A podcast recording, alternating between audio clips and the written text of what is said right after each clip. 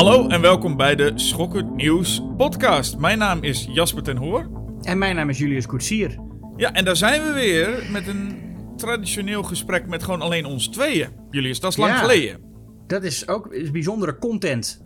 Dat is hele bijzondere content, ja. We hebben een, een, een terugblik gehad op 2023 met de hele groep. We hebben met Geeky Dingen hebben we over Steven Spielberg gepraat. En we hebben Ja. met Ruud Vos een, een Fantasy Filmfestival horror draft gedaan. Dus het is even geleden dat we elkaar gewoon even één op één zo spraken. Ah, zo lang geleden is het alweer dat we echt gewoon een ouderwetse, traditionele podcast hadden. Ouderwets, inderdaad. Dat zeg je goed. Ja, dus dat, eh, dat gaan we nu weer doen. Dus dat, eh, ja, dat riedeltje is dan bekend. We gaan praten over wat we onlangs gezien hebben. En daarna hebben we nog wel wat andere content voor de mensen. Ja, nou, wil jij beginnen met wat je onlangs gezien hebt? Ik heb eigenlijk twee films die ik nu in één keer kan behandelen als zijnde. Ze vallen in dezelfde categorie voor mij. Als in, ik dacht dat het een slecht idee was. Maar het bleek best goed te zijn. Oh, Ja, en, en eentje daarvan is die we tijdens de terugblik van 2023 al bespraken, was Dungeons and Dragons. Die werd daar getipt als, eh hey, die is best wel goed. En volgens ja. mij had jij hetzelfde als ik bij het zien van de trailer. Oh, ik heb hier niet zoveel zin in. ja. Ehm, daar kom ik nu op terug met, hij is best leuk. Nou, Ik vond hem erg geestig. Ehm, maar het is toch stiekem wel een klein beetje wat we al wel kennen. Maar wel gewoon een hele charmante uitvoering daarvan. Ik moest denken, het is een heel erg eh, Thor Ragnarok. In, in die tijd dat we dat toen zagen als... Ho, dit is eh, eindelijk wat nieuws, eindelijk een nieuw smaakje. oh ja. Nou, we weten hoe dat uitgegroeid is. In ieder geval, ik heb toen de vierde Thor van Taika Waititi gezien... en dacht, oh jee, is dit het geworden? Ja, En dat ik hoop ten zeerste dat Dungeons and Dragons dat niet heeft. Want dit voelde op hoe, ja, hoe herkenbaar het allemaal ook is, voelde nog best fris. Omdat het gewoon heel leuk is. Chris Pine heeft, is ongelooflijk charmant. Hm. En ehm, er zitten leuke grappen in. Maar het, ik had het nog het meest. Dus die andere film die ik in deze categorie gooi is Wonka. oh ja. Nou ja, maar dat is ook eentje waarvan ik van iedereen al gehoord had dat hij heel erg meevalt. Dat Ja. hij, nou ja, ik, ik had ook wel een beetje die verwachting, omdat het natuurlijk de regisseur van Paddington 1 en 2 is, Sean King. Paul King. Paul, oh sorry, Paul, wie is Sean King dan? Sean King? Ja, dat is ook iemand. Is, is Sean King ook iemand? Ja, nou ja, Paul King. Eh, dacht ik van, nou ja, dat, dat, eh, aan de ene kant is het dan inderdaad Wonka. Nou ja, en, en daar heb je dus, eh, dat is ja, typisch zoiets van, oké, ik, ik, ik hoef helemaal niet te weten hoe, hoe Willy Wonka geworden is wie die is. Dat is echt een beetje het, tegenovergestelde van wat, wat je met het personage wil. Maar aan de andere kant, nou ja, Paul King inderdaad. Ja, en Sean King is trouwens een Amerikaanse schrijver en activist. Nou, dan, dan, dan, dan is het geen, is het, is het, dan is het goed. Dan is het goed. en wat je zegt had ik ook wel heel sterk trouwens. Het, het, ik had het idee, ik dacht, ik weet niet... Ik, ik weet niet waarom ik hier niet zo heel veel zin in heb. Maar het lijkt me gewoon een slecht idee. Maar het feit dat Paul King het ging doen... Nou ja, goed. Een, ik, ik, Paddington 2 is een, is, is een meesterwerk. Daar kan ook geen ander woord eigenlijk aan vuil gemaakt worden. En het is een film die alles eigenlijk gewoon inhoudelijk volgens het boekje doet. Maar de visie van Paul King is wel echt fantastisch. Het is echt... Een, het, nou ja, ik noemde net al bij Chris Pine het woord charmant. Dat is, dit is charmant in het kwadraat. Het is echt zo'n charmante, kleurrijke, vrolijke, gezellige film. Ik vond ook dat eh Timothée Chalamet... Hoe, hoe Chalamet? Timothy Chalamet. Chalamet- Chalamet... Het erg leuk doet Ja, erg leuke Wonka is. En wat ik vooral heel fijn vind, is dat, eh, wat ook wel een beetje in de Paddington films blijkt, niet alleen dat Paul King ongelooflijk visueel echt iets heel moois neerzet, maar ook dat hij, hij durft. En hij durft hier echt heel erg over de top te gaan. Alle typetjes zijn zo, zo dik aangesmeerd, dat je, dat je bijna denkt, nee, dit, dit gaat er niet zo ver. En dat past natuurlijk ook heel goed bij Roald Dahl. Als je Ja. aan, Matilda denkt, denk ik aan die film van Danny DeVito, waarin hij ook alles lekker dik aanzet, maar ook van die, van die eh, Fish Eye Lens dingen gebruikt, dat je echt denkt, oh, het komt echt goed over zo. En dat doet Paul King hier ook. En ja, dat paste heel goed samen, blijkbaar, Paul King en Roald Dahl. Dat, dat had ik nog niet, dat huwelijk had ik nog niet voorgesteld, maar het, het, het past. nou, ik ga kijken. Jasper. Zou ik doen, met de kinderen. Hartstikke leuk, echt waar. Ja, Nou ja, mijn kinderen zijn drie, die kunnen nog niet echt zo'n verhaal volgen. Maar ik denk dat die het ook uh, uh, wel van de kleuren houden en zo. Nou, dit verhaal is denk ik voor driejarigen ook te volgen hoor. Want zo, dat is het wel. Nee, ja, nee, mijn kinderen volgen geen verhaal. We kijken wel films met ze en series. We zijn nu Avatar aan het kijken, de, de, de uh, animatieserie. Oh, dat volgen ze wel. Nou ja, dat willen ze graag zien. Maar natuurlijk volgen ze dat verhaal niet. Maar ze herkennen wel de personages en hebben daar een connectie mee. Dus dan zit er, er zit een soort. Ik weet niet of je die serie ooit gezien hebt. Nee. Maar er zit een groot vliegend beest in dat Appa heet. Mhm. En dat vinden ze heel leuk. Het is een Mhm. heel groot, lief, schattig beest. Harig en, en zo. Eh, dus als die er niet is, dan zeggen ze waar is Appa? En als Appa komt, zijn ze dan weer blij. Maar ze krijgen dat plot, krijgen ze allemaal niet mee. Dus dit is, dit is echt gewoon de personages waar ze... En je merkt trouwens wel, dat is ook wel leuk... dat ze, ze snappen de grappen niet. Want we kijken hem ook in het Engels. eh, want dat, dat, mijn vriendin is erg fan van die serie... en wil hem gewoon in, het, in, de originele Engelstalige versie dan zien. En ja, voor de kinderen is het ook... leren ze nog wat Engels... Ehm, maar, dus ze, maar ze snappen dus ook de grappen niet. Er zitten best wel veel grappen in die serie. Maar je merkt wel dat ze lachen eh, om de intonatie eh, van een grap. En, en om, de, om de muzikale cues die bij een grap horen. Dan doen ze al hahaha. Dus, dus ze snappen al wel eh, de, de vorm. Terwijl ze de inhoud nog niet snappen, snappen ze wel, dit is de vorm van een grap. En dan, en dan beginnen ze te lachen. Ze snappen echt, ze snappen waar de lach zou moeten komen en dan doen ze het daar, maar ze weten nog niet waarom. Ja. Oh, wat goed. Je moet ze meenemen naar een theatervoorstelling van Ivonie. Perfect. ja. Goed, en jij? Wat heb jij dan gezien? Uh, nou ja, dat dus, Avatar. En maar ook, ja, uh, ik zit even te kijken. Ik, heb, ik, ik, ik had een, een lijstje gemaakt van mijn favoriete films die ik vorig jaar ontdekt heb. Dus die films die al wel ouder zijn, maar die ik vorig jaar voor het eerst heb gezien. Ah.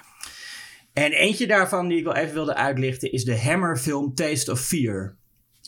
De Britse studio Hammer is natuurlijk bekend om de gothic horrorfilms met Christopher Lee als Dracula en Peter Cushing als Van Helsing en Dr. Frankenstein en nou, de Mummy en, de weer, en al, al, al, die, al die klassieke monsterfilms uit de jaren 50 en 60.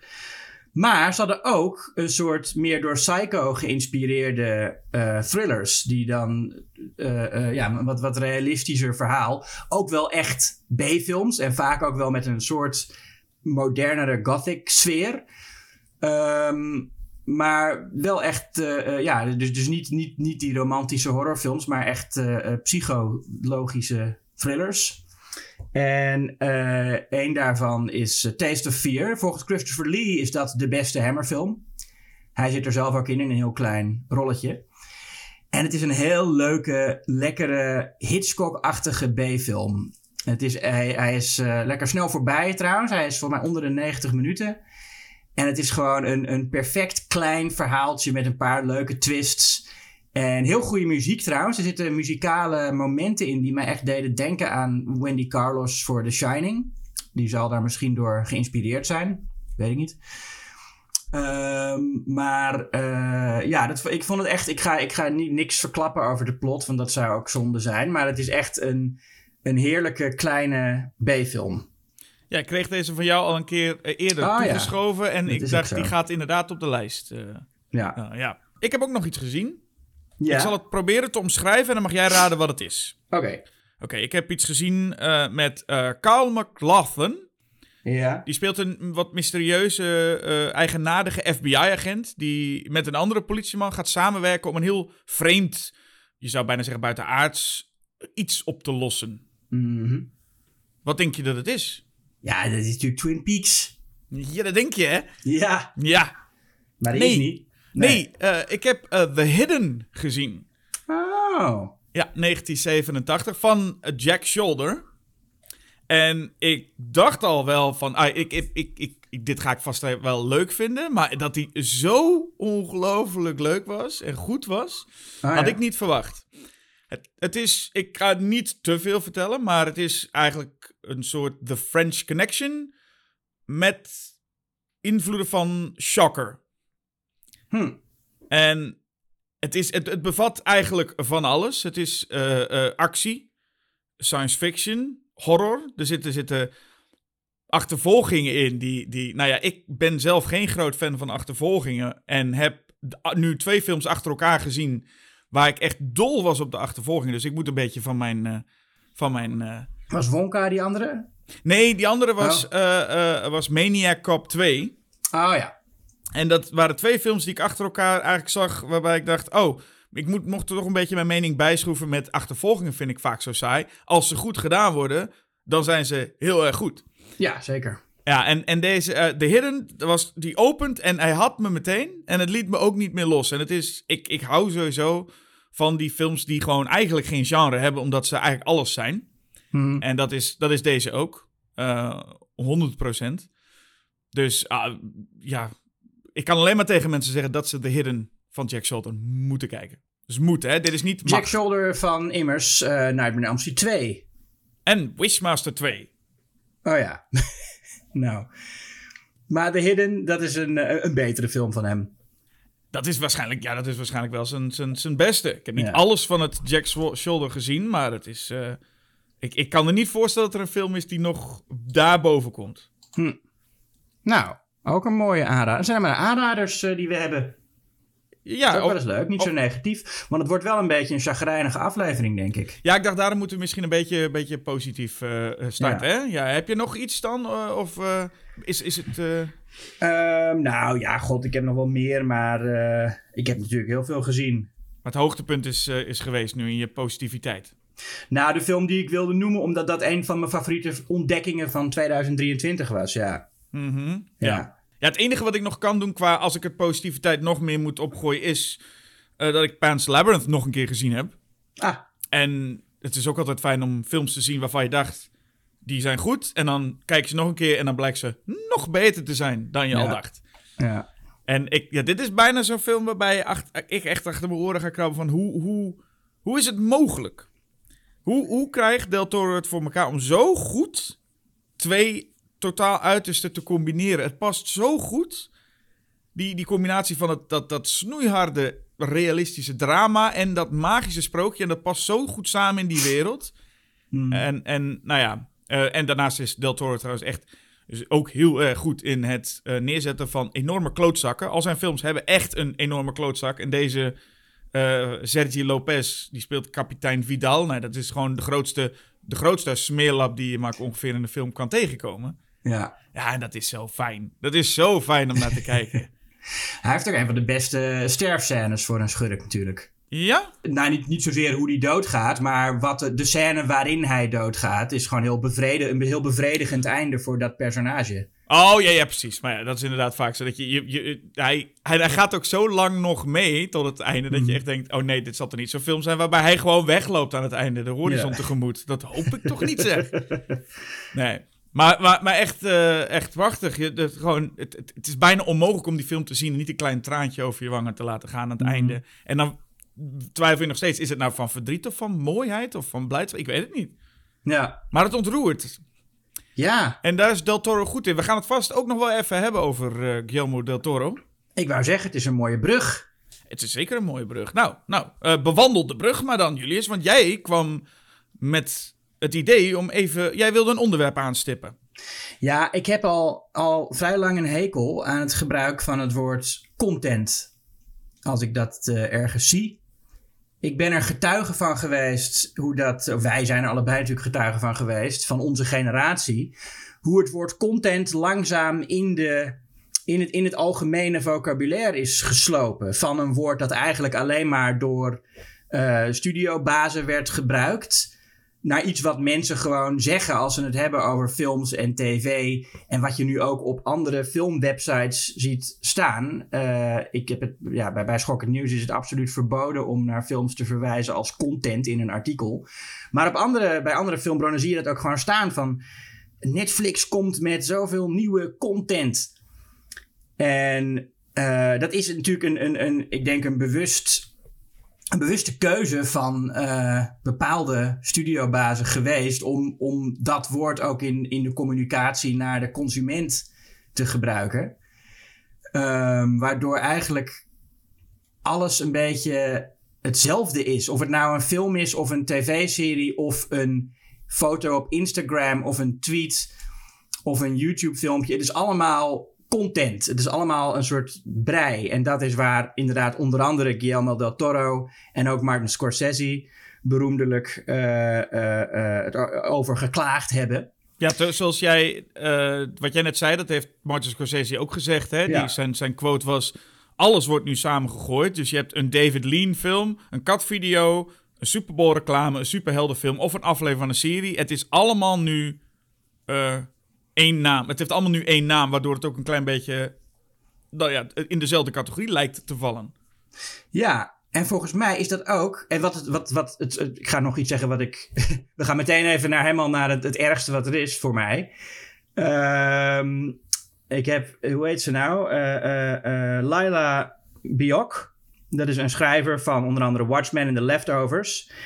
En die zegt dat wat ze nu bij Netflix zoeken, is haar verteld, dat is second screen content. Dus dat is dan, dan moet je als schrijver dus een serie schrijven met de bedoeling dat mensen ondertussen op hun telefoon zitten. Oh jeetje. Dat is wat ze doen, second screen content. En dat is waar ook het woord content volgens mij aan bijdraagt. Want als het allemaal content is, ja, dan maakt het ook niet. Dan, dan richt je niet meer je aandacht op één ding. Van ik ga nu een film kijken.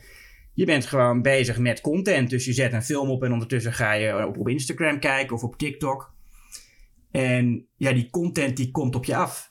En dan is het de bedoeling dat je niet iets aan het doen bent. wat met de content op dat eerste scherm te maken heeft, toch? Op dat tweede scherm. Ja, nee, precies. Ja, dat is de second screen content is dus het idee van je hebt iets opstaan en ondertussen zit je op je telefoon wat anders te doen. Ja, want ik weet nog van de. Het is al wel jaren geleden van de traditionele televisie. Uh, voor degene die dit nog horen. Er was ooit iets, zoiets als traditionele televisie. Daar kon je door zenders heen gaan. En dat er dus programma's waren die dus juist gebruik maakten van dat tweede scherm.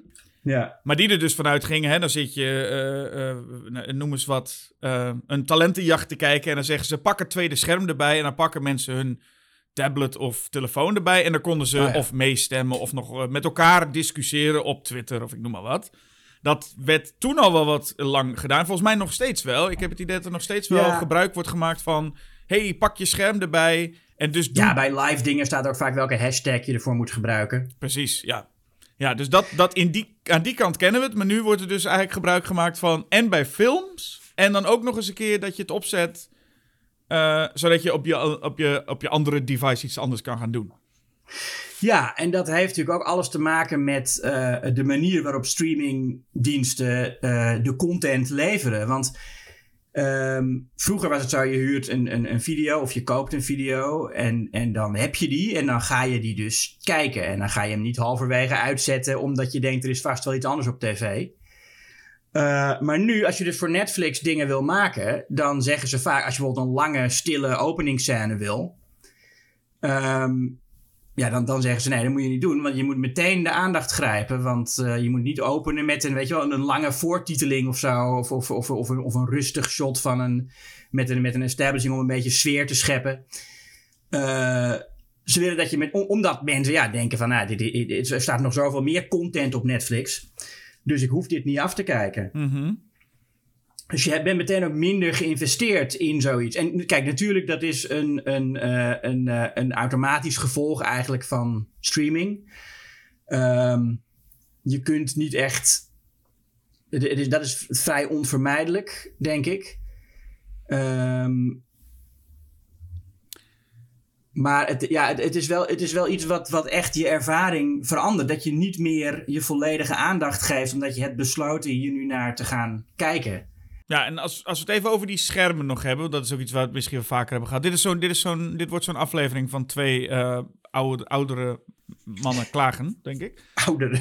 Nou, Allebei nog onder de 40 hoor. Jawel, dat wel. Maar alsnog zie ik in de ja. bioscoop uh, uh, veel al mensen op hun telefoon steeds kijken. Hmm. Dus, en dat was uh, voor alsnog altijd de plek waar je dat in ieder geval niet deed. Ja. Ik weet dat er genoeg mensen zijn die thuis niet meer een film kunnen volhouden. Uh, zonder dat ze af en toe op hun telefoon moeten kijken. Mm. Het, wat, het grappige is wat je net zei over dat je eigenlijk... Je kunt dus een film kijken en ondertussen iets anders doen. Dat hoorde ik voornamelijk altijd bij echt filmliefhebbers... die een favoriete film hebben... die ze inmiddels niet meer hoeven te zien... Maar dan hebben ze hem aanstaan. Dus dan zeggen ze: Oh, dit zijn echt films die ik aan heb staan als ik het huis aan het schoonmaken ben. Of iets dergelijks. Ja, ja, ja. Dus dan, dan, maar dan heb je in ieder geval de film zo vaak gezien dat het niet meer hoeft. Mhm. Ehm, wat heel wat anders is dan inderdaad de film voor het eerst aanzetten en dan al niet met volle aandacht hoeven te kijken. Ja. En dat is toch echt ook een gemis, ook als je dus in de bioscoop zou zitten en je, je gaat er nooit meer inkomen dan. Dat is echt heel moeilijk om, als je op je telefoon gekeken hebt, er weer in te komen. Dat, dat vergt nogal wat. Ja, en er is ook iets, en ook niet alleen bij één film, maar ook in je, in je hele leven. Is het hele, als je bij één film op je telefoon hebt gekeken een keer, dan is volgens mij het hek al van de dam. En ga, want het is echt een verslaving. Die, en ik denk dat heel veel mensen misschien toch onderschatten hoe, hoe echt het een verslaving is, weet je wel. Het is net als met, met roken en drinken. Ehm, het, het, ja, het, het, is, het is gewoon niet goed voor je om, om de hele tijd op je telefoon eh, te zitten. Dat, ja, dat, dat, dat klinkt ook eh zeikerig, maar het is wel zo. En eh, ik denk dat we dat ook veel serieuzer moeten gaan nemen. Maar goed, dat is een, heel, dat is een veel groter maatschappelijk probleem nog. Ehm, Nou ja, we konden ooit in de bioscoop roken. Misschien dat, dat, misschien dat Ja. we ooit niet meer in de, in de bioscoop onze telefoons mogen kunnen gebruiken. Ik hoop het. Ja, het kutte aan telefoons is natuurlijk, je hebt ze wel nodig. Dat is het, het erge eraan. Dat ja, het, het is verslavend en heel ongezond, maar je hebt wel natuurlijk een telefoon nodig. En je wil meekomen. En, je, en ja, het is ook...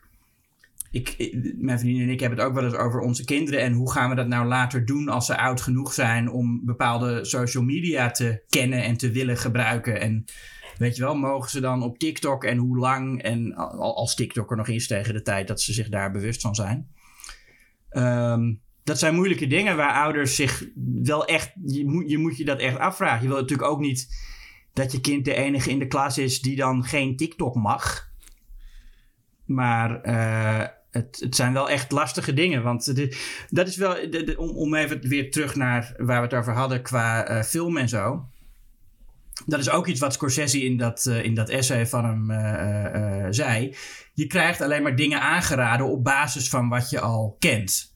En dat is op TikTok heel erg zo. Als je op TikTok een kwartier lang filmpjes kijkt, dan heeft, dat, heeft het algoritme helemaal bepaald wie jij bent.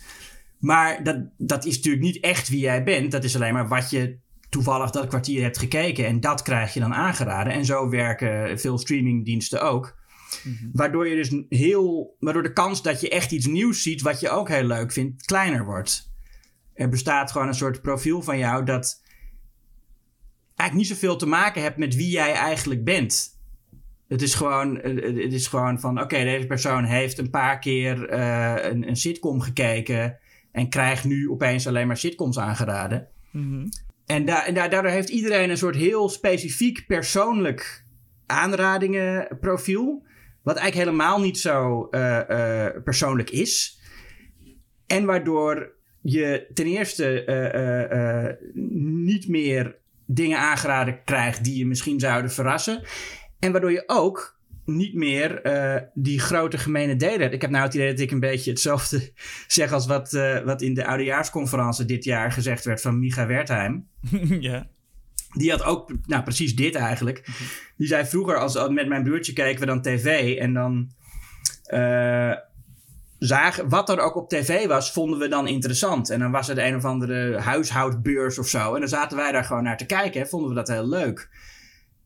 Ehm, want dingen, eh, wat is er nou leuker dan echt verrast worden door iets wat je, wat je dacht dat je niet interessant vond, dat is dan toch interessant. Mhm. Hij zei, hij zei iets van: het, het interessantste zijn dingen die je niet interesseren of zo. Zoiets was het. Ja. Ehm, en, hij, en hij maakte ook een heel punt van: die grote gemene deler is er niet meer. Die, die eh, culturele onderwerpen die iedereen kent en waar iedereen het over heeft. Ja, die, die zijn er inderdaad steeds minder. Ik zat, ik zat laatst eh, de Amerikaanse The Office te kijken. En toen dacht ik ook, dit is misschien wel de laatste keer dat een sitcom zo groot is geweest dat, dat iedereen die sitcom kende. Ik zou niet weten welke opvolger daarvan is. En dat bedoel je omdat er zoveel gemaakt wordt dan? Nou, omdat er dus niks meer is wat iedereen kijkt. En dat is aan de ene kant, eh, eh, kun je zeggen, nou, nou en, het is toch wel, het is toch juist fijn als er heel veel diversiteit is en heel veel verschillende dingen. Maar ik mis toch wel ook die tijd dat er echt eh, eh, culturele mijlpalen waren. waar iedereen het over had. Ook in de film. Want het, ja, dus nu met, met, ik bedoel, de, de, de Marvel-films en zo zijn enorm groot. Maar dit is niet te vergelijken met wat je in de jaren zeventig had met, uh, met The Exorcist of zo. Maar is het niet zo dat op het moment dat jij The Office hebt gekeken op uh, mm. een, een, een, een streamingplatform en dat die daarna zegt: Hey, vond je dit leuk? Probeer dan ook dit. Dat is een marketing tool natuurlijk, maar het is daarnaast, je, dat, daar hadden ook hele willekeurige dingen in kunnen staan. Waarbij er nu gewoon wordt gezegd: Ja, we kunnen zeggen: Hey, probeer nu ook. Uh, uh, deze uh, sportwedstrijd of iets dergelijks. Maar dan weten we niet of je dat leuk gaat vinden. Dus hier hebben we dingen die een beetje vergelijkbaar zijn met The Office. Dat lijkt me toch niet heel gek, want het kan ook zijn dat ik daarna ga googlen. Dat ik denk, nou, ik vond The Office echt een leuke sitcom. Wat is zoiets als The Office? Nee, het is ook niet gek. Natuurlijk is het niet gek. Het is heel logisch dat dat zo gebeurt. Het kan ook niet anders, denk ik, op, op als, als we dit systeem uh, blijven gebruiken. Maar ik heb, het heeft wel een, nadelig gevolg. En vroeger was het zo dat je, uh, nou, je bijvoorbeeld als je naar de videotheek ging, bij sommige videotheken hadden ze dan uh, dat er bepaalde dingen aangeraden werden. En soms ook door bepaalde mensen van de videotheek. Ja. En dat is een heel andere manier natuurlijk om om dingen te ontdekken die je leuk vindt. Dan is het niet van, oh, maar dit lijkt hierop. Want je kijkt niet alleen maar dingen die op elkaar lijken. Je hebt gewoon je eigen smaak. En je kunt denken van, nou, mijn smaak komt overeen met die van deze persoon. Of deze persoon heeft altijd dingen aan te raden die ik wel interessant vind. Mm En uh, daarvoor heb je nou ja, echt gecureerde dingen nodig. Zoals, nou ja, zoals bijvoorbeeld andere streamingdiensten, zoals Mubi of uh, uh, Criterion Channel. Die echt cureren. Of uh, Turner Classic Movies, een Amerikaans, Amerikaanse tv-zender die echt nou, die klassieke films uitzendt. Die, en nu komen we weer bij een van de namen die sowieso genoemd ging worden in deze aflevering. Mm -hmm. David Zaslav, CEO van Warner. die nou, nu dus ook, hè, eh, dat, dat, dat was ook vorig jaar heel controversieel. En hebben Martin Scorsese en Steven Spielberg en Paul Thomas Anderson hem nog echt over gesproken om over te halen om dingen anders te doen. Toen hij het budget van Turner Classic Movies met twee derde verkleinde. Um, en, en Zaslav is, hij zei, ik heb het opgezocht, hij zei in 2008 al, toen in 2008 was hij de, uh, werd hij de baas bij Discovery. En toen zei hij: um, We want to own curiosity on TV and on all platforms. We are no longer a cable company, but a content company. Dus in 2008 zei hij al, we zijn geen kabel, dus geen kabel-tv-bedrijf, maar een contentbedrijf. En inmiddels heeft hij van Warner Brothers uh, niet eens een contentbedrijf gemaakt, maar een aandelenbedrijf. Ze, ze handelen niet in films bij Warner, ze, ze handelen in aandelen. Want er zijn nou uh, uh, drie films die hij gewoon heeft gecanceld. Daar hebben we het ook al over gehad. Bad Girl en Scoop, de Scooby-Doo film. Scoop, Hunt, wat is het? Holiday Hunt. En Coyote vs. Acme. Zijn drie films waarvan Zaslav heeft gezegd... die moeten we, die, die, die, die, leggen, die zijn bijna af. En daar hebben we al heel veel geld in gestopt, maar het is goedkoper om die op de plank te laten liggen, zodat we gewoon van de belasting af kunnen trekken, dan om ze uit te brengen. Ja, volgens mij was er ook een film van Disney Plus, geloof ik, The Crater. ja. Was, dat was een film gemaakt voor 50 miljoen, kreeg best wat goede recensies, maar werd na zeven weken gewoon offline gehaald en die kun je nu nergens meer zien. Hij staat inmiddels geloof ik wel weer online. Hij is weer teruggekomen. Hij is weer teruggekomen, maar inderdaad, die, hij heeft, omdat hij natuurlijk hij is niet op DVD of Blu-ray uitgebracht. Nee.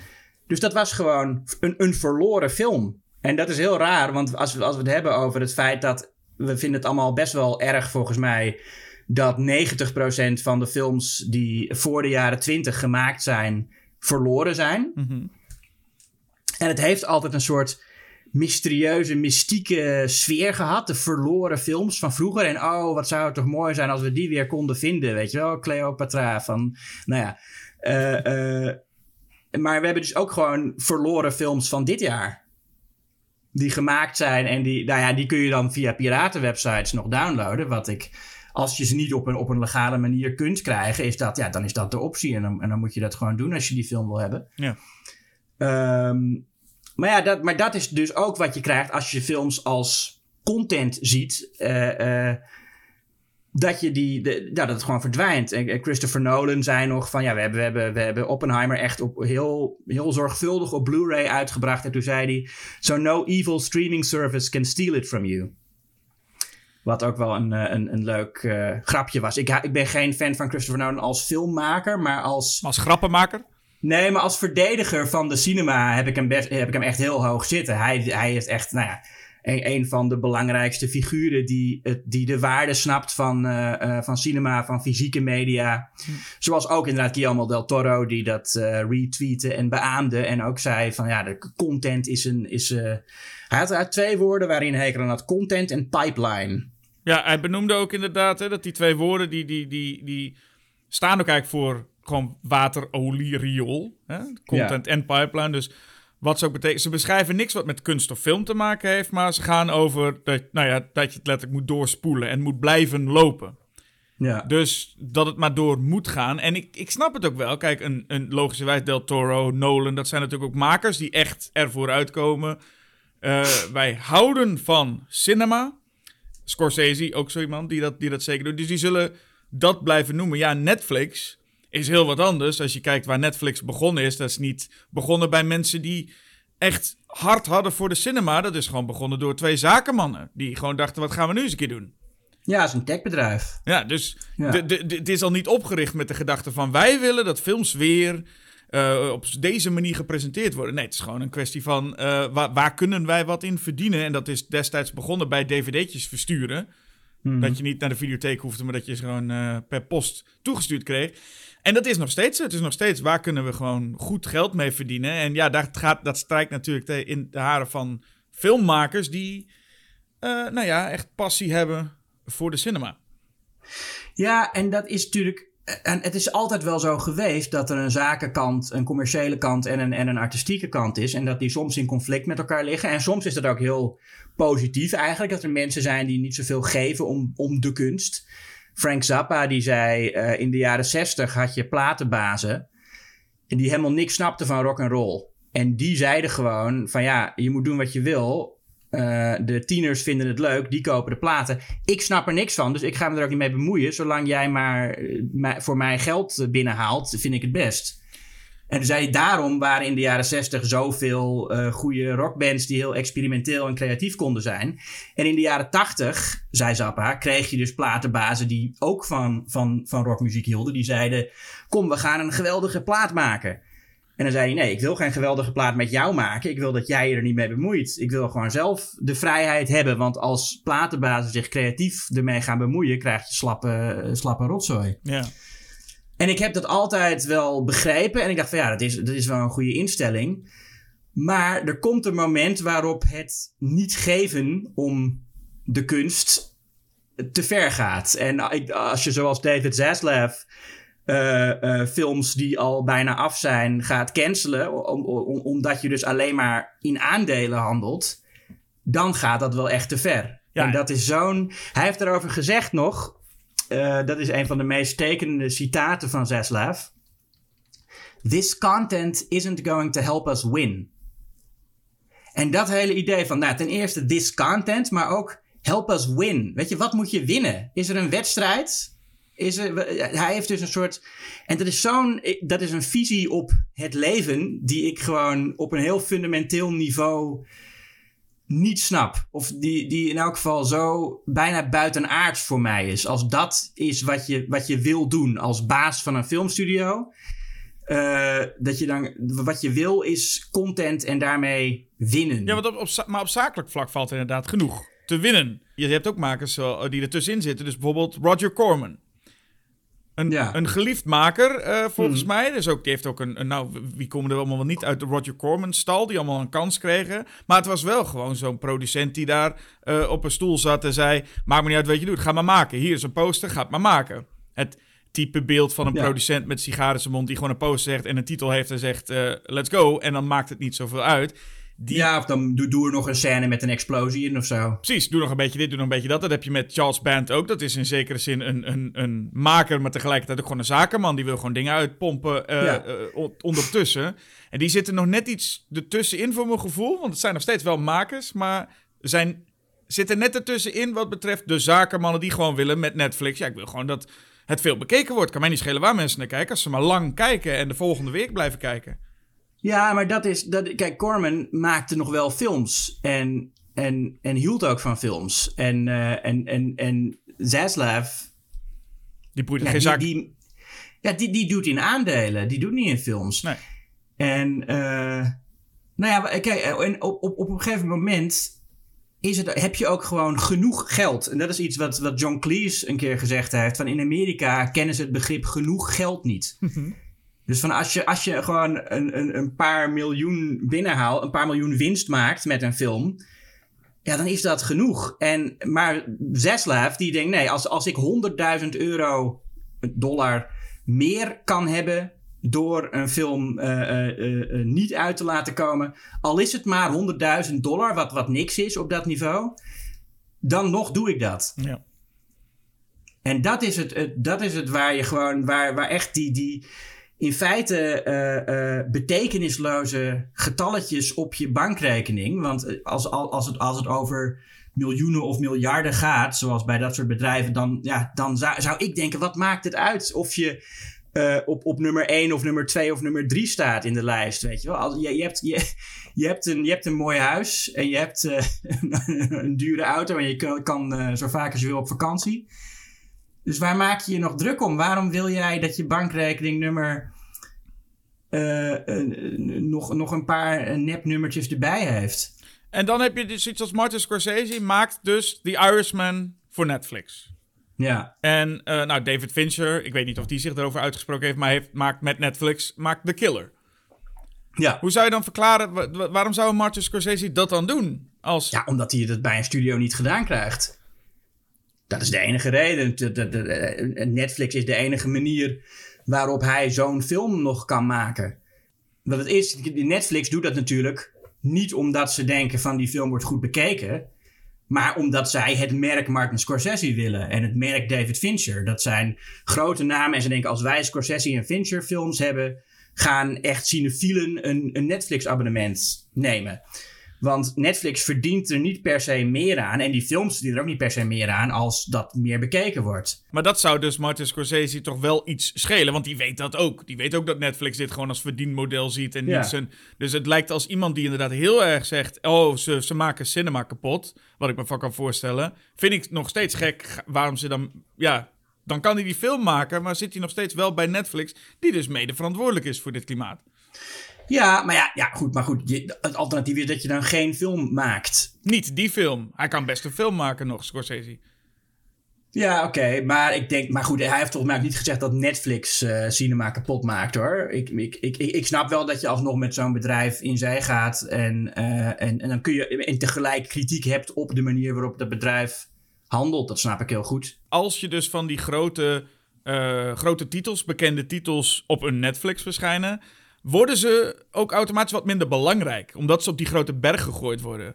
Ja. Dus zeg maar, ze, ze degraderen voor mij gewoon een beetje. Dat was voorheen, was het, klonk het nog als... Oh, die kun je nu zien op Netflix. En dan denk je... Oh, wat handig, want dat kan ik kijken. Maar nu, als je dan voelt, hij komt op Netflix... dan wordt het een beetje minder... Omdat het waarschijnlijk dus gewoon ergens opgegooid wordt in die berg. denk je, oh, mhm. oké, dan voelt het een stukje minder bijzonder. En een stukje... Ja, een film degradeert in mijn optiek wel een beetje dan. Klinkt, ja. klinkt niet heel chic meer. Van uh, staat ook op Netflix. Nee, het wordt er gewoon op gedonderd. En dan denk je, hè, die ook? Ja, nee, precies. Nee, je hebt, je hebt ook niet meer het gevoel van, oh, uh, daar moet je naartoe. Weet je wel? Nee. Je zijn mensen ook van, ja, ik wacht gewoon twee weken tot het op Netflix staat. Ja. Vroeger was dat wel echt zo. De nieuwe Scorsese of Spielberg, daar ging je naartoe. En dat is nou... Uh, uh, ja, toch, toch wat minder geworden. Nou ja, en aan de ene kant is dat een, een verandering die nou ja, onvermijdelijk is en, en de media gaat vooruit en het verandert allemaal. Maar um, weet je wat het is met wat, wat het, het nadeel, of een van de grote nadelen die we nog niet besproken hebben, is ook dat die films, dat je daar dus veel minder aan verdient. Vroeger was het, je had gewoon een, film die, die, eerst in de bioscoop draaide en dan kon hij winst maken. Maar, en, maar als hij in de bioscoop geen winst maakte, dan was er nog altijd uh, uh, uh, video en televisie daarvoor nog. En een film die op tv uitgezonden wordt, nou die wordt uitgezonden met een reclameblok. En hoe meer hoe, hoe hoger de, de zender verwacht dat de kijkcijfers zijn, hoe duurder het is om te adverteren bij zo'n film. Dat is logisch. Dus dan kon een film als gewoon puur door op tv uitgezonden worden, nog, nog winst maken. En, en later natuurlijk ook door in de videotheek verhuurd te worden en later gekocht op DVD en Blu-ray.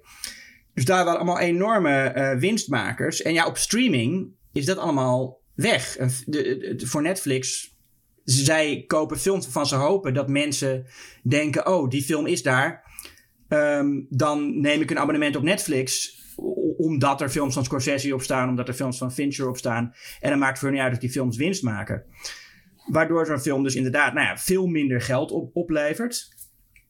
En waar ook die staking trouwens uh, vorig jaar om ging, was onder andere dat zelfs streamingdiensten die wel adverteren uh, bij films en tv, um, dat de schrijvers daar dus vrijwel niks van terugzien. Wat als je vroeger, als je als schrijver een aflevering van een tv-serie had geschreven, kreeg je daar elke keer als die herhaald werd, gewoon weer geld voor. En op, op streamingdiensten, je krijgt niet geld per uh, persoon die er naar kijkt. Dus die streamingdiensten die verdienen daar enorm aan. En die schrijvers verdienen daar vrijwel niks aan. Die, ja, die verdienen gewoon wat ze oorspronkelijk betaald hebben gekregen. En verder is, stelt het helemaal niks voor wat ze daarvoor krijgen. Um, en wat het, wat het ook is, met, met, met de hoeveelheid content die er dus op streamingdiensten staat. Ehm, hoeveel films zijn er op Netflix? Duizenden. En dan denk je van, nou oké, duizenden films. Maar de meeste van die films, die, zijn, ja, die staan daar puur om de site te vullen. Want niemand gaat een abonnement nemen op Netflix, omdat daar uh, The Grey Man staat, weet je wel? Of, of, of, of zo'n soort contentfilm. Um, dat is misschien niet zo'n heel goed voorbeeld, maar er zijn talloze films op Netflix. Waarvan de meeste mensen, ja, die, die zie je in, in, op, op de lijst staan. En als je op bepaalde genres zoekt, dan zie je een enorme lijst. denk je, oh, lekker veel films. Maar de meeste van die films, daar heb je absoluut geen interesse in. Die ga je niet kijken.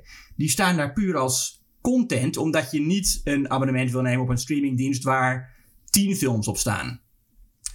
Terwijl uh, je, je kijkt natuurlijk niet al die films. Je, je kijkt, de meeste mensen kijken nou misschien één keer per maand een film op Netflix. Misschien twee keer, drie keer per maand. Ja. Zoiets zal het zijn voor de meeste mensen. Dus niet, niet misschien dat onze luisteraars uh, er meer van kijken. Maar de meeste mensen kijken dus lang niet zoveel als, als ze zouden kunnen doen. En dan zeggen ze, ja, ik heb een abonnement op Netflix en ik heb een abonnement op Disney Plus en op, en op, en op, en op Max en wat dan ook. En daar betalen ze dan, ik geloof dat de gemiddelde persoon iets van. Het was, het was best wel veel, 30 euro, tussen de 30 en 50 euro per maand aan streamingdiensten. Um, dat is meer dan de meeste mensen vroeger aan dvd's uitgaven en aan, en aan, en aan huurvideo's. Maar ik heb niet het idee dat mensen nou meer films kijken. Er zijn veel meer, veel meer films die je kunt kijken. Maar dat doen mensen niet. Dus het is, het is voor de filmmaker is het nadelig, want je verdient er minder aan. Het is voor de consument nadelig, want je betaalt meer terwijl je niet meer kijkt over het algemeen. En terwijl je ook nog eens ja, toch op, van een, op een bepaalde manier van een ervaring beroofd wordt. Doordat je je niet meer uh, gedwongen voelt om, er, om nog echt je, je volledige concentratie te geven aan één ding. Dus je betaalt meer voor een minder goede ervaring die je, die je, die je minder vaak hebt. Um, het is eigenlijk alleen maar voor, ja, alleen maar voor, voor, voor techbedrijven, voor CEO's is dit voordelig. Er zijn zelfs volgens mij verhalen van Netflix Originals, dus die echt gemaakt zijn voor Netflix, die er gewoon mhm. van Netflix afgehaald zijn. Nou ja, zeker. Daar is David Zaslav ook mee begonnen op zijn streamingplatforms. En dat hebben later andere streamingdiensten hebben dat uh, voorbeeld gevolgd, ja. Een term die we veel al kennen vanuit YouTube bijvoorbeeld. Ja. Hè, lekker veel content. Laten we veel content maken. En dat is nou ook zo. Wil je veel geld verdienen als influencer? Ja, dan moet je niet één keer per maand iets maken. Wij ook als podcast. Hè, maak wel dagelijks misschien, of in ieder geval wekelijks, een podcast. Want meer content is beter. En dat dat ook die tactiek doorgezijpeld heeft naar de grote filmreeks. Ik noem dan even van Disney, de Marvel en de Star Wars. Die op een gegeven mm. moment doorraden. Als we nou gewoon bijna dagelijks nieuwe content hebben van die desbetreffende filmreeks. Marvel lijkt minder te gaan inzetten op al die Disney Plus uh, troep en op films zelfs. Dat ze iets minder gaan maken. Star Wars heeft hetzelfde toch gedaan. Heel veel van die films worden stekkers uitgetrokken. Die, die, die Game of Thrones makers zullen wel balen. Dat ze denken, hey, ons was iets beloofd.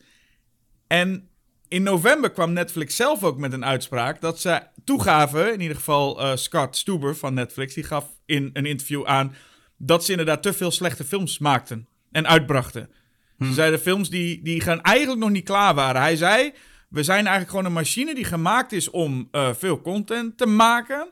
En dat resulteert niet altijd in kwaliteit. En zo zijn streamingbedrijven volgens hem ook vaak opgebouwd. En dan hebben ze de fout dat ze te snel gaan. En dus dingen die eigenlijk nog niet eens af zijn. Of eigenlijk nog niet klaar zijn om gereleased te worden, gooien ze er maar in. Ja. En zij willen zich, zeggen ze nu, ze willen gaan minderen. En uh, dat klinkt als een soort van alcoholist, inderdaad, die dat dan zegt. Ze willen gaan minderen en zich nu beperken tot een 25 tot 30 films per jaar.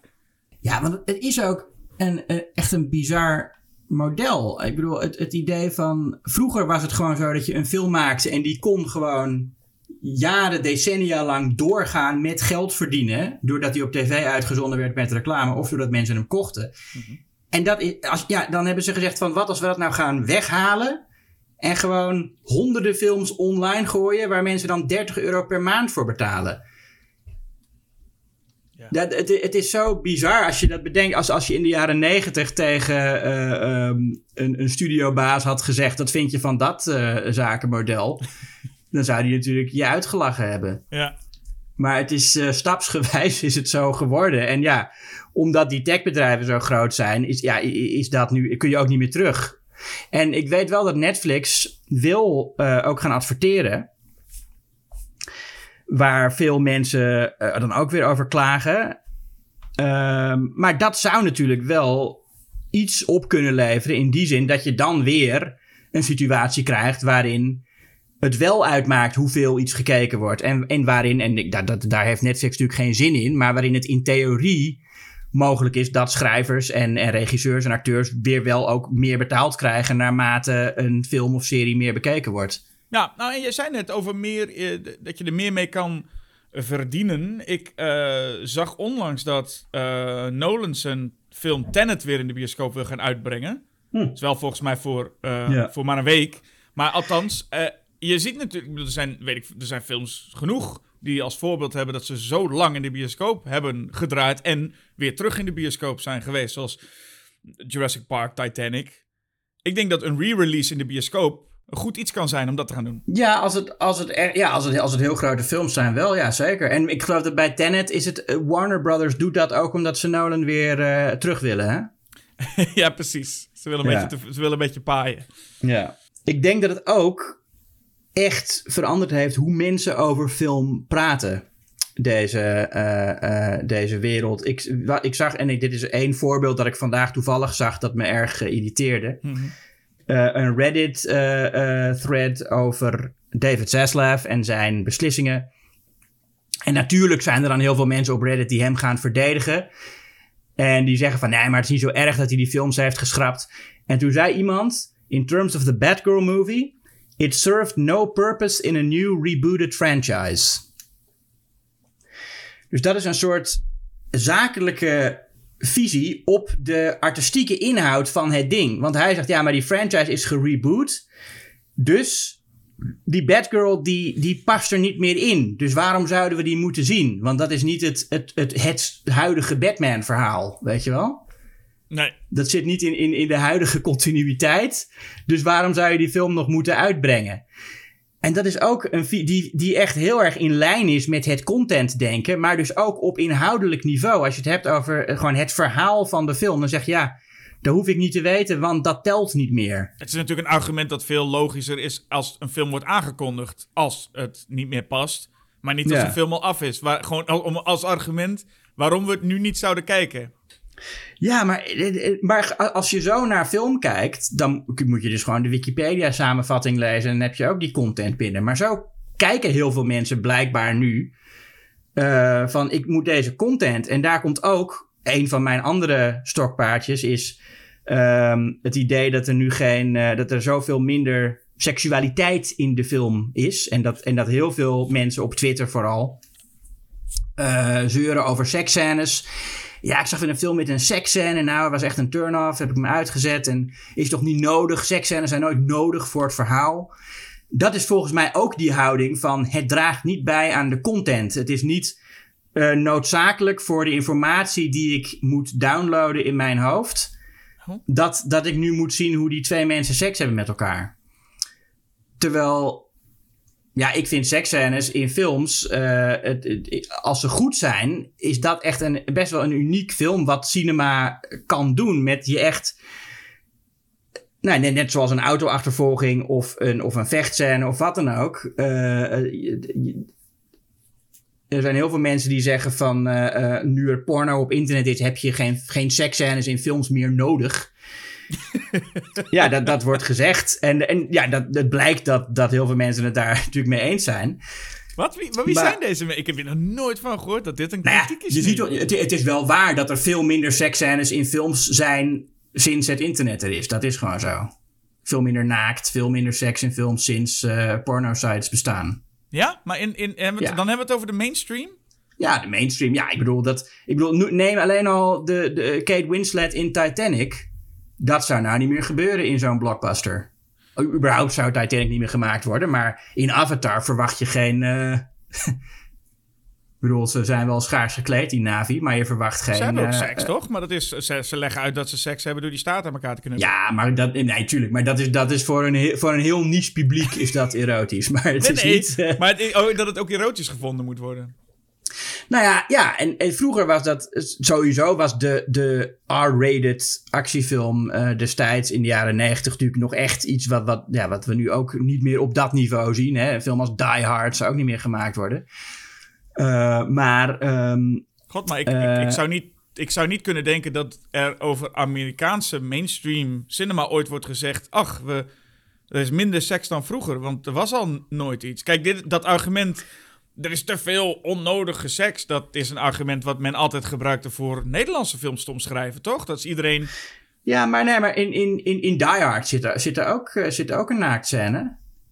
Een naakt? Vergeet ik altijd, maar die, die zit er wel. Oké. Maar ook een film als, nou ja, Eyes Wide Shut of zo. Wat ook een film die natuurlijk nooit meer gemaakt zou worden. Nee, oké, maar dat is wel een specifieke film. Dat noem ik niet helemaal de Amerikaanse mainstream film. Nee, maar, nee, maar er zijn heel veel Amerikaanse mainstream films waar wel een seksscènetje in zit.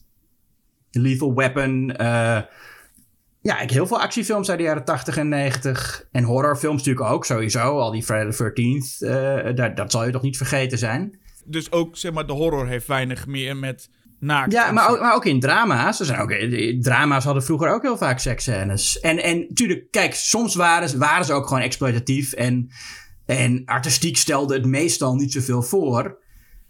De erotische thriller is ook helemaal verdwenen uit, uh, uit, uit, of bijna helemaal verdwenen natuurlijk uit de mainstream. In de jaren negentig had je echt, uh, dat was een film die ik ook, ja, die had ik ook nog nooit eerder gezien. Nou, nou, nou springen we weer terug naar het begin. Single White Female vond ik, vond ik heel leuk om te zien. Uh, nou, dat is ook een soort film dat je nou niet meer ziet. Oké, maar dan ga ik even het punt maken dat dat is voor televisie het omgekeerde. Althans, als je naar Game of Thrones kijkt, die doet dingen op televisie en laat uh, uh, alle soorten piemels zien. Nou, dat kon op televisie sowieso never nooit. Ja, maar dat is ook iets waarvan mensen dus zeggen... Je hebt, het, je hebt dat niet nodig. Daar hebben we al, uh, daar hebben we het internet voor, daar hebben we, daar hebben we porno-sites voor.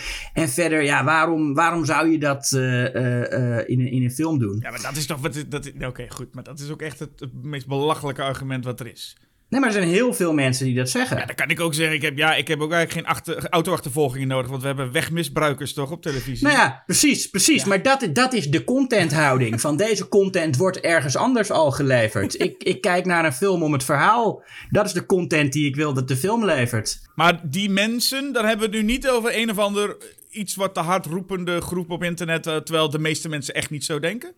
Nou ja, dat is natuurlijk zo. Het is, het is een, een trend die je op Twitter ziet en waar ook wel over geschreven wordt.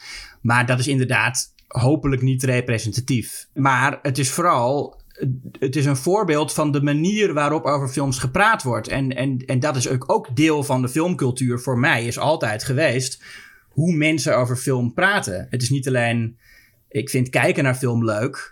Maar voor mij hoort het gesprek er ook echt bij. En recensies, maar ook uh, met, met social media vind ik dat, dat is wel een, een voordeel daarvan. Dat je echt dat gesprek ook gewoon met totale vreemden online kunt hebben. Ja. En kunt zien wat er over gezegd wordt. En dat is voor mij wel altijd een, een, een deel geweest ervan. En ja, dat, dat, je ziet echt dat dat zo oppervlakkig is tegenwoordig. En ook echt uh, ingegeven door dat, door dat content denken. Je hebt uh, in, in de jaren 70 en 80 waar, was het heel normaal dat er als een film al maanden in de bioscoop draaide, nog steeds artikelen over geschreven werden. In, in filmtijdschriften. Ja. Of dat er nog steeds gesprekken over waren op tv, in, in, in programma's daarover. Ja. En dat is nou ook al voorbij, want de content is na een week al. Is er alweer de, de volgende content waar we ons op moeten richten? Weet je, moet deze content wegges, weggespoeld worden voor het volgende? Ja, dat snap ik wel. Ik weet nog dat ik toen, toen Better Call Saul afgelopen was. Dan zit je die laatste aflevering. Mhm. En dan zit je vol emotie, althans ik wel. Dat je echt denkt, het is afgelopen, het einde van een tijdperk.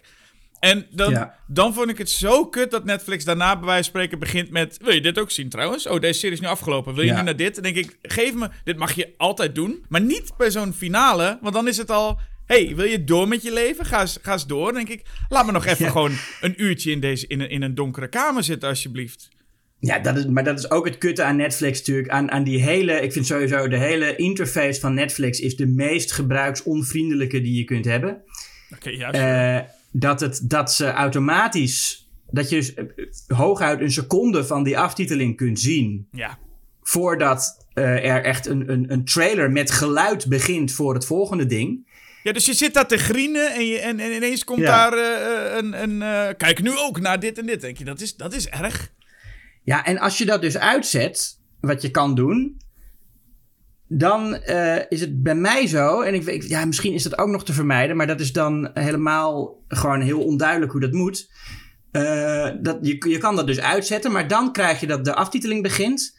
En dan staat er um, uh, credits bekijken. En dan moet je dus daarvoor kiezen om dat te doen. Ja. Maar ik zit, ik wil niet naar, ik wil niet met de afstandsbediening hoeven te pakken of naar mijn computer hoeven te rennen om, om, om om dat aan te zetten, weet je wel. Ik wil gewoon, nee, credits kijken moet de standaard zijn. Ja. Als ik dat zo ingesteld heb. Ja, is overigens, daar kunnen bioscopen ook wat van leren met uh, die lichten meteen aan te knallen. Oh god, ja. ja, He, ja. Je, wil, je wil in die sfeer blijven zitten, maar het is ook echt gewoon, dat krijg je bijna dat de bioscoop ook zo gaat denken van, nou jongens, afgelopen, licht aan, hup naar huis, volgende. En dan denk je, maar ik wil nog even in die sfeer langzaam eruit komen, toch? Ja, Nee, tuurlijk. En maar, ja, maar, maar, ja, maar goed, maar Netflix uh, kan dat niet, want de, de content is voorbij. Dus je moet naar de volgende content. Dan krijg je dus, als ik, als ik zat dus The Office US te kijken. En uh, uh, dan, dan begint de aftiteling en dan staat er volgende aflevering. En dan is het over vijf seconden al. Dus dan moet je zo snel zijn als je niet de volgende aflevering. Want ja, als de volgende aflevering begint, dan zie je, dan, het begint al met een cold open. Dus dan zit je ook meteen al, is die aflevering al bezig. denk je, ja, zak er nog? Nou ja. En dat is natuurlijk, het is, het is, um, je hebt dan mensen die zeggen, ja, maar dat is toch heel slim van Netflix. Dat is toch, dat is toch juist, dat is toch goed dat ze dat doen voor Netflix. Want ja, dan ga je verder kijken. Ja, dat snap ik wel. Maar ik vind het gewoon slecht. Het is niet gebruiksvriendelijk. Het, het maakt het medium uh, minder prettig. Dus fuck dat het begrijpelijk is waarom ze dat. Dat kan me niet schelen. Ze moeten dat niet doen. Nee, maar dat is de, de, wat, wat we van sociale media en zo nu allemaal heel genoeg zien. En smartphones. Dus wat we het net ook al over hadden. Het is hoe werk je een lichte vorm van verslaving ook in de hand. Maar goed, dat is uh, nog het allerergste, vond ik. Die is er volgens mij dus niet meer. Misschien ook wel eerder benoemd. Die optie bij Netflix met doe maar iets. Oh ja. Dat heb ik nog nooit begrepen. Maar goed, dat moet je je dus voorstellen dat je dat doet. moet je bij podcast voorstellen. Dat je gewoon zegt, doe maar iets. En dan krijg je ineens gewoon twee mensen die over een willekeurig onderwerp gaan praten. Nou ja, maar dat is zeppen. En dat vind ik eigenlijk nog wel okay. preferabel boven iets wat helemaal op jouw uh, algoritme ingesteld is. Dat vind ik eigenlijk nog wel wat hebben. Je gewoon echt dat jij, nu, dat jij nu denkt van nou, uh, hè, uh, podcast, doe maar iets. En dan krijg je ineens een podcast van twee uh, mensen die over regenwormen gaan praten een anderhalf uur. Nee, maar dat, dat, dat vind ik eigenlijk nog wel, nog wel aardig. Dat je met een knop zegt, doe maar iets, boeit me niet. Ik denk, zoek uit dan. Ga iets kijken van je, ja. waar heb je echt zin in? Dat je denkt, ik heb zin in iets. In plaats van, ah, weet ik veel, doe maar iets. Dat, dat, dat vind ik ook een, een soort luizuchtig iets. Dat is namelijk wat men doet met bijvoorbeeld TikTok. Je, zit, je, je ligt op bed, je doet TikTok aan. En je, je, je bent niet actief naar iets aan zoeken. Mensen gaan echt niet op TikTok zoeken naar ik wil grappige filmpjes over iets. Nee, het is gewoon, oké, kom maar voorbij. En ik heb een duim in de hand die verder scrolt als ik me verveel na twee seconden. Ja, en er, en er zullen nog steeds, denk ik, mensen zijn die nu zeggen: ja, maar dat is heel slim van de bedrijven. En, sure. En weet je, dat, maar dat is ook niet, dat erken ik. Het, het is op een bepaalde manier slim. Het is ook gewoon echt niet goed. En uh, die, die bedrijven willen ons verslaafd maken, maar die CEO's die hebben ook een soort verslaving aan ja, hogere winsten op een niveau dat het er echt niet meer toe doet hoe, hoeveel winst je nog maakt. Het, het verschil tussen. Uh, nou ja, wat, dit is gewoon wat, we net allemaal, wat ik net allemaal al gezegd heb. Van, eh, als je nou kijkt naar, je bent gewoon een persoon als CEO. Je bent gewoon een mens. Je hebt het mooiste huis dat je wil. Je hebt uh, vier prachtige auto's. Je gaat vijf keer per jaar uh, vlieg je naar, naar Tokio. Vier auto's maar? Nou ja, vijf. Oké, ik was maar weet je, op dat, dan maakt het toch niet meer uit hoeveel, hoeveel winst je nog maakt. Maar dat is, dat is ook echt een verslaving. Die mensen die zijn echt verslaafd aan steeds meer willen, denk ik. Want het zijn, als ze geboren worden, over het algemeen volgens mij gewoon normale mensen. Maar op een gegeven moment kom je, word je, raak je gevangen in dat systeem van telkens weer meer en telkens weer hoger en hogere getallen zien. En uh, nummer 1 zijn, zodat de ander nummer 2 is. Mm Die mensen zijn ook slachtoffers van het systeem. Dat is het, het, tragische eraan. Ja, en ondertussen zit het, zit het publiek, althans de, de, de, de YouTube-kanalen staan er vol mee. En ook, ook uh, al die websites met box office. Zijn, is het publiek er ook blijkbaar mee bezig? Met heb je de box-office van die film gezien en die? Dus ze doen eigenlijk gewoon mee. In plaats van dat ze zeggen van... Ja, kan mij het schelen wat een film opgebracht heeft. Ik vind hem wel goed of niet goed. Maar ze, men is nu vooral bezig met ook box-office. Ja, had je dat, dat filmpje gezien van een van de Russo Brothers als reactie op uh, Scorsese? Scorsese had, een, had een, gewoon een grappig filmpje gemaakt waarin hij tegen zijn hond uh, praat. En die hond heet Oscar. En toen had uh, Russo had een, had een reactiefilmpje gemaakt met zijn hond. En toen zei hij, ah, wat lief, zijn hond heet Oscar. Nou, kom mee, box office. En dan loopt hij weg met dat, met dat hondje dat box office heet. Zo van, ja, Scorsese, jij hebt Oscars, maar wij hebben box office met de Marvel films. En dan denk ik ook van, ja, maar wat, wat denk je dat je Scorsese geowned hebt dat jij meer geld hebt dan hij? Scorsese is niet, is niet arm. Dat is toch niet om te ownen, dat is toch gewoon een grapje? Nou, ik weet het niet. Ik, ik denk dat hij, nou ja, ik weet het niet. Maar ik vind beide een heel hmm. raar argument nog steeds van het publiek. Dat hoor je vroeger nog ook wel, toch? Je hebt vast wel vaak genoeg mensen gehoord die zeggen... maar dit is wel een goede film. Kijk, hij heeft een Oscar gewonnen. Dat zegt men dan. Ja, dat, ja, en, en dat argument wordt ook gebruikt voor... ja, maar zo, volgens mij, dit is wel een goede film. Moet je kijken hoeveel mensen naartoe zijn geweest. Of het, is, het staat bovenaan een lijst. Dat zijn beide gevallen ja. Uh, ja, natuurlijk kul-argumenten. Ik heb altijd een hekel gehad aan dat. Aan dat. Ik weet, toen, ik, toen ik een jaar of 14, 15 was, had ik het al met mensen. En die, ik snapte het gewoon echt. En zei ik van ja, ik vind Scary Movie 2 echt een heel slechte film. En toen zei iemand, iemand zei dan, een jongen van, van die, die ouder was dan ik. Die zei nou, objectief gezien is het een goede film, want er gaan veel mensen naartoe. ja, wat, wat heb ik? Wat, wat, waarom zeg je dat? Wat hebben we daaraan? Ja, er gaan veel mensen naartoe. Nou en? Weet je, dat is, dat is toch geen gesprek hebben? Nee.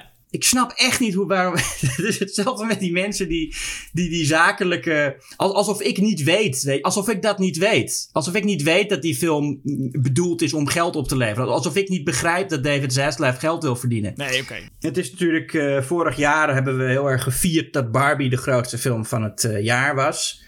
Omdat dat toch een soort doorbreking bleek van het contentdenken. In die zin dat het heel erg als een stuk content bedacht is, maar wel echt een film met een visie is van een regisseur die in de handen van een andere regisseur en scenarist waarschijnlijk een heel andere film was geweest. En het gevolg van Barbie is, dat hebben we in de vorige aflevering ook al besproken, dat, er, dat Mattel nu een hele een hele reeks uh, speelgoedfilms gepland heeft. Met Hungry Hungry Hippos en uh, Magic 8 Ball en allemaal van die andere concepten die, nou ja. ja. En, en dan nog even, ehm, ik bedoel, dit was niet, dit valt niet in de categorie Barbie of Oppenheimer. Maar mm. Super Mario Brothers was ook een van de grootste hits van het jaar. Oh ja. En dat is ook niet heel moeilijk om te voorspellen waar dat heen gaat. Ja, Dus ik, ik denk, het, het voelt een beetje als een halt. Hè? Van, uh, hey, even die Marvel en Star Wars troep was er even niet meer. We hebben nu, nu is tijd dat, uh, nu kunnen Barbie en Oppenheimer gauw spelen. Maar ik denk niet dat we heel veel gewonnen hebben. Nee, hooguit. Kijk, er is, er is in elk geval bewezen dat het mogelijk is om binnen. Uh, dat het nog steeds mogelijk is om binnen zo'n contentwereld als kunstenaar je te uiten, zoals Greta Gerwig dat gedaan heeft. Uh, en we kunnen hopen dat de andere speelgoedfilms, dat daar ook dergelijke regisseurs tussen gaan zitten. Ja, of we moeten, en, en, je moet een beetje geduld hebben, maar ik ben wel optimistisch wat betreft. Oké, misschien komen er straks allemaal van die Mattel-films. Hmm. En ondertussen, dus stel Marvel houdt nu zijn bek even dicht, Star Wars houdt even de bek dicht. En we krijgen nu een hoop Mattel-films. En we hmm. krijgen Luigi en Donkey Kong de film en al dat, dat soort dingen. En daar worden we op een gegeven moment zo moe van. En dan kan ik uitkijken naar die ene zomer waarin we weer nieuwe films krijgen. Dan denken, potverdikje, dit had ik niet verwacht. Ineens is die daar. En dat, daar moeten we dan op wachten. Ik, ik, ik denk dat er ook gewoon op een gegeven moment misschien te veel kapot gemaakt wordt. Dat er een generatie opgroeit die uh, alleen maar gewend is aan, aan, aan de contentwereld. Dus aan second screen kijken. En, en die, niet, die niet de concentratie op kan brengen om een sitcom-aflevering van 20 minuten te kijken zonder telefoon erbij. Weet ik. Maar goed, dat zeiden onze grootouders ook over onze generatie. Ja, nee, natuurlijk. En, en, en weet je, het is ook zo dat de, natuurlijk media veranderen. En wie weet is het zo dat er over 80 jaar uh, geen films van anderhalf uur of langer meer gemaakt worden. Maar dat er dan alsnog mooie kunst gemaakt wordt, dat, dat kan natuurlijk. Nou, je moet meegroeien, hè? Ja, geen zin in. Maar nee, maar, nee, maar, nee, maar even. het, het, is deels, deels is het inderdaad een soort aversie tegen het nieuwe. Daar kom ik wel voor uit. Deels is het echt een fobie van mij voor uh, veranderingen. Mhm. Maar deels is het ook wel echt zo dat, ik, dat, er, dat er dingen verloren gaan die niet uh, verloren zouden moeten gaan. Zoals de volledige aandacht geven aan één werk. En zoals um, de, nou ja, de, de, de echte verhalen die, uh, dat, dat die nog gemaakt worden überhaupt. Um, in plaats. Dat, dat, nou ja, dat, dat, dat, ik, ik hoop gewoon dat er weer studiobazen komen die het woord content vermijden. En, en, en die denkwijze vermijden. Ja, maar dat gaat, dat gaat gebeuren. Ik ben een hele slechte hmm. trendwatcher misschien. Maar dat gaat sowieso gewoon gebeuren. Op lange termijn. Er gaat altijd weer een nieuwe stroming komen. Er gaat weer een nieuw iemand opstaan en zeggen: Ik ga het even helemaal anders doen. Dat gaat gebeuren. Ja, maar, dat, maar op een gegeven moment kan dat niet meer. Ik bedoel, als, als, als Disney al die bedrijven heeft opgeslokt en, en David Zaslav de rest. Ja. dan denk je dat, dat, dat A24 ook niet meer bestaat. Dan denk je dat daar niet een nieuwe stroming uitkomt en dat iedereen op een gegeven moment alles van Disney Plus uitkotst. En dat dan zo'n bedrijf ineens met een hit komt. Dat iedereen het erover heeft. En dan, denkt, en dan staan Disney Plus met hun miljoenen en hun vijf auto's. Staan ze te kijken met. Kut er heeft gewoon een, uh, een, een nieuwe Blair Witch Project voor maar een paar euro. En iedereen heeft het er weer over. En, en, en ja, daar zitten ze met hun miljoenen content. Ja, maar, maar hoe kun je dat doen? Je, want die, die klein, ik bedoel, ik, ik, ik, ik, ik, ik bewonder je optimisme en ik zou er heel graag in meegaan. Maar hoe kun je, want dat, die, dan moet je ook echt een, een viral marketingcampagne hebben. En dat is al nee, niet meer te doen. Het begint eerst bij dat er, er zijn zoveel creatievelingen die het anders willen. En die staan nu nog misschien aan het begin van hun carrière. Of die staan nu nog aan het... Maar het, het, komt. Ik bedoel, altijd als we denken... Oh, het zit vastgeroest. Er komt een nieuwe generatie. En die nieuwe generatie zit ook vol met mensen die zoiets hebben van... We gaan het anders doen. We gaan niet dit doen. Nou, ik, ik geloof wel dat die mensen dat denken.